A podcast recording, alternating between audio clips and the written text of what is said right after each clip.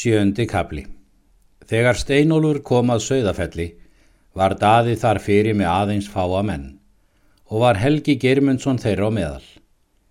Hið fyrsta sem Steinólfur spurði eftir þegar þanga kom var það hvort Helgi væri þar fyrir og var honum sagt að svo væri. Gerði hann þegar bóð fyrir hann og kom hann út þegar og fleiri menn með honum. Helgi gekk þegar til Steinóls heilsaði honum og bauð hann velkomin. Síðan bauð hann einhverjum heimamanni að taka hesta hans en let hann ganga inn með sér til stofu og fóra að spyrja hann tíðinda. Leisti Steinolfur úr öllu því sem greiðast. Þegar þeir höfðu nýlega tekið talsitt, gekk maður í stofuna mikill vexti og feitlægin, þrútin og dökkur í andliti, brúna mikill og brúna þungur, með lið í nefi, hökumikill og fullur af vöngum. Augun voru grá og bitur. Hári var dökk hjart og hæru skoti nokkuð, klifta neðan um eirun. Skegg bar hann þygt á efri vör og topp mikinn á höku eins og þá var valdsmanna síður og var það nokkru grá skotnar en hárið. Hann bar rauða skarlats treyju stutta og nærskornar brækur svo að mótaði fyrir vöðvum en yfir bar hann bláa skikki stutta er tók ofan á mjadmir. Húu bar hann á höfði með fjöðrum í. Allur var maðurinn föngulegur og mikilúlegur að sjá, en kulda nokkur virtist af honu leggja hvar sem hann kom fram. Þarna kemur daði. Heilsaðu honu með virðingu og neyðu þið djúft. Svo vitt hann vera láta. Hvíslaði Helgi að Steinólfi og stóð upp um leið og neyði sig. Steinólfi var ekki sama um mannin. Honu fannst hann ekki hafa valdsmannlegri mann séð en þennan og varð hálf feimin við. Þó stóð hann upp og steg eitt eða tvö spór fram á móti daða og neyði sér þólanlega um leið og hann rétti fram höndina. Við getum nú sleft öllum serimónium, saði daði og rétti honum tvo fingur á hægri hendi. Rómurinn var kvell og óþægilegur og dálíti hás. Það er mestum verðt hverjar fréttir þú flytur. Daði settist niður í bríkarstól í stofunni með útskornum baki og var sessa á stólnum. Hann benti þeim að setjast og tala. Hann segir svo frá að Jón Biskup hafi komið að staðfólti í gerkvöldi með þrjáttíu manna og eru allir vopnaðir en svo ætlaði síra freysteinn að sapna 40 manns, hafði hann hirt á segja. Svo að þeir hafum 70 manns og hvenar gerðu þeir ráð fyrir að koma hingað? Annað kvöld, svaraði Steinólfur. Þeir ætluði að sapna liðinu í dag og leggja svo á stað í fyrramálið. Svo gerði hann grein fyrir því hvernig hann hefði njósnað um allt sem hann gat á leiðinni. Að hann væri að nokkru upp alin á hólum og hefði því geta komist að því að verða vikapiltur þeirra feðga, af því að sveit þeirra hefði verið lasin og ekki ferða fær. Hefði hann þar notið kunnuleikans. Þeir hefði ekki varað sig og því hefði hann komist á snóður um ímislegt sem annars hefði verið alls ómögulegt að vita. Nú var hann orðin alls ófeimin og let sér hvergi bregða þó að daði kvesti á hann augun eða var í hastur í svari. Ég sé það á að reyða höggið hátt, mælti daði, en ég vildi svo tilstilla að hér er þið skammastund hönd höggi fegin og að þeir fengi að kottlaupa sig í þessari ferð. Eftir því sem síra freysteini fórust orð við mig, saði Helgi, gæti ég trúa því að liðið, það hefði borgfyrska, verði ekki tryggt, ef til storraða kæmi, en hann þorri ekki annað en vera með þeim síðan í sumar til þess að mæta ekki afar kostum. Við tölum við þann áður en til kastana kemur, en góðan tíma höfum við til að bú okkur undir að taka móti þeim úr þessu. Okkur er óhætt að sofa í nótt úr því að þeir sofa söður í stafólti, nógur tíma morgun til að sapna liði og svo næstu daga. Mestum verðt að ná saman nógu liði og vel búnu þar sem upplaupsmenn og landráðamenn eiga í hlut. Mun ekki heldur til skorta, svaraði Helgi. Hér munu allir vera trúni og konginum trúir. Að minnsta kosti konginum, annar læti ekki viðgangast. Hitt kemur og eftir, þegar búið er að bæla niður þennan ófrið. Eitthvað töluðu þeir meira um þetta. Steinolfur satt hjá og tók ekki þátt í tali þeirra. En nú fór náttúrun að krefja réttar síns. Hann fór að draga Ísur fram á borðið og svo fór hann að hrjóta ofan í hendur sínar.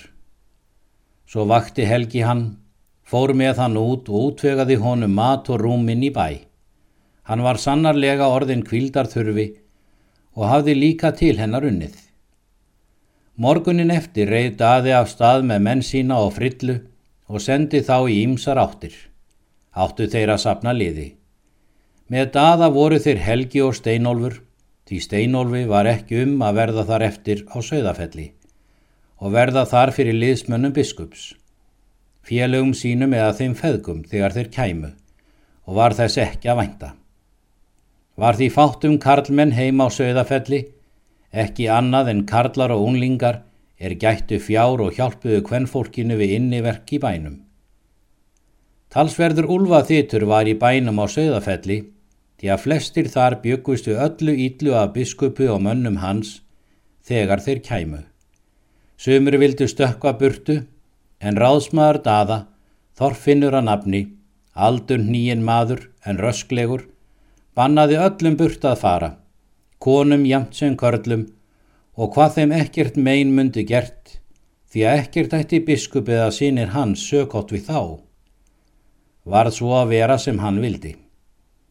Svo var húsum hátta á sögðafelli að fremst bæjarhúsa var skáli mikill með framskoti fram úr miðju með loftherbergi yfir.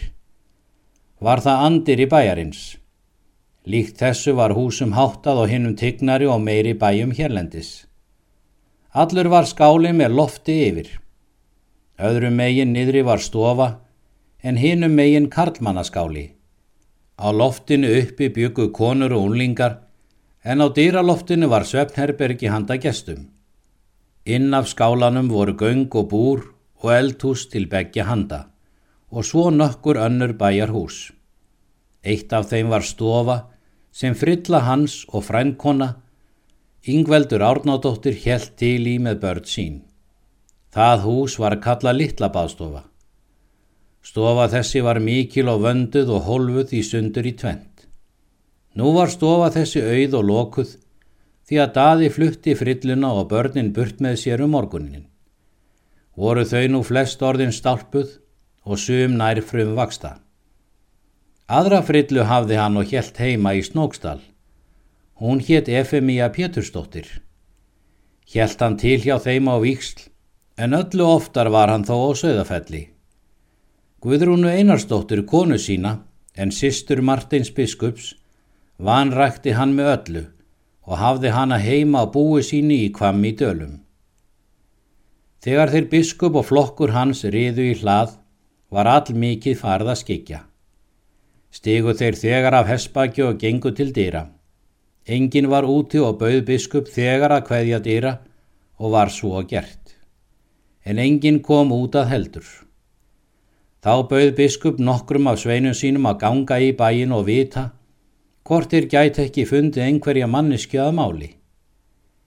Hygg ég að refurinn hafi ekki hlaupið svo frá greninu að hann hafi ekki látið einhvern eftir heima til þess að taka móti gestum sem að gardi koma, sagði biskup og hló við. Síðan gengu fjórir menn í bæin og inn eftir göngunum, unst þeir náðu til eldahús. Þar hittu þeir griðkonur tvær og köstuðu á þær kveðju, en svo voru þær skelkaðar að ekki þorðu þær að svara þeim einu orði. Tóku þeir þær svo nauðugar og dróðu þær fram til bæjardýra með gemsi miklu og hlátrum. Hér komum við með eitthvað að varnarliði daðabónda, sögðu þeir, en eigi var það vel vopnað, því önnur hafði þvöru inn hinn eldskurunga vopni og þorði kvorug að hafa lofti. Var nú hlátur mikill í dýrónum, en biskup gekk til stúlknanna og saði góðlátlega.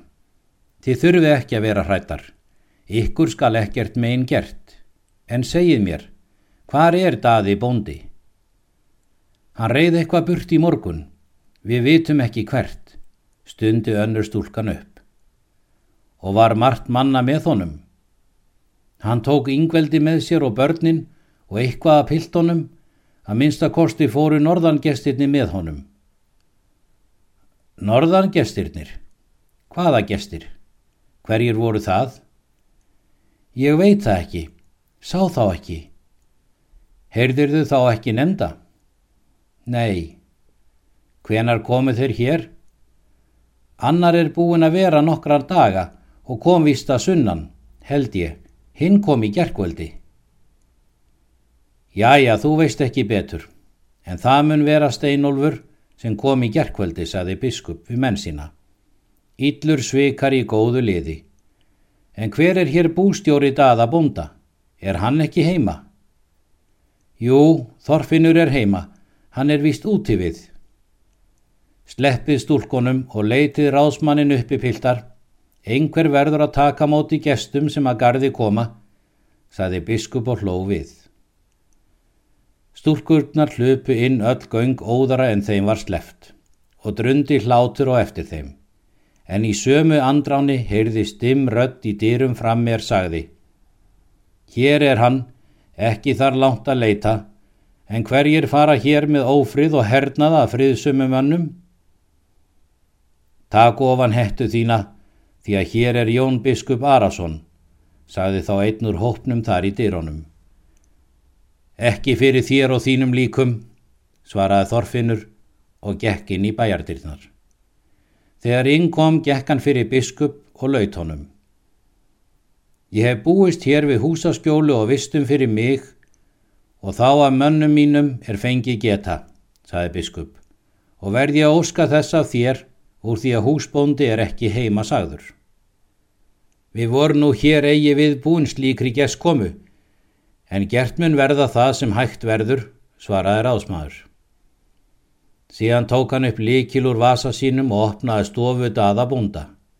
Gengu þeir biskup og sínir hans inn þegar og tóku sæti. Innan lítillar stundar voru borin þar inn ljós og vistir á borð borðnar, kjöt, brauð, slátur og öl og neittu þeir af því sem þeim síndist.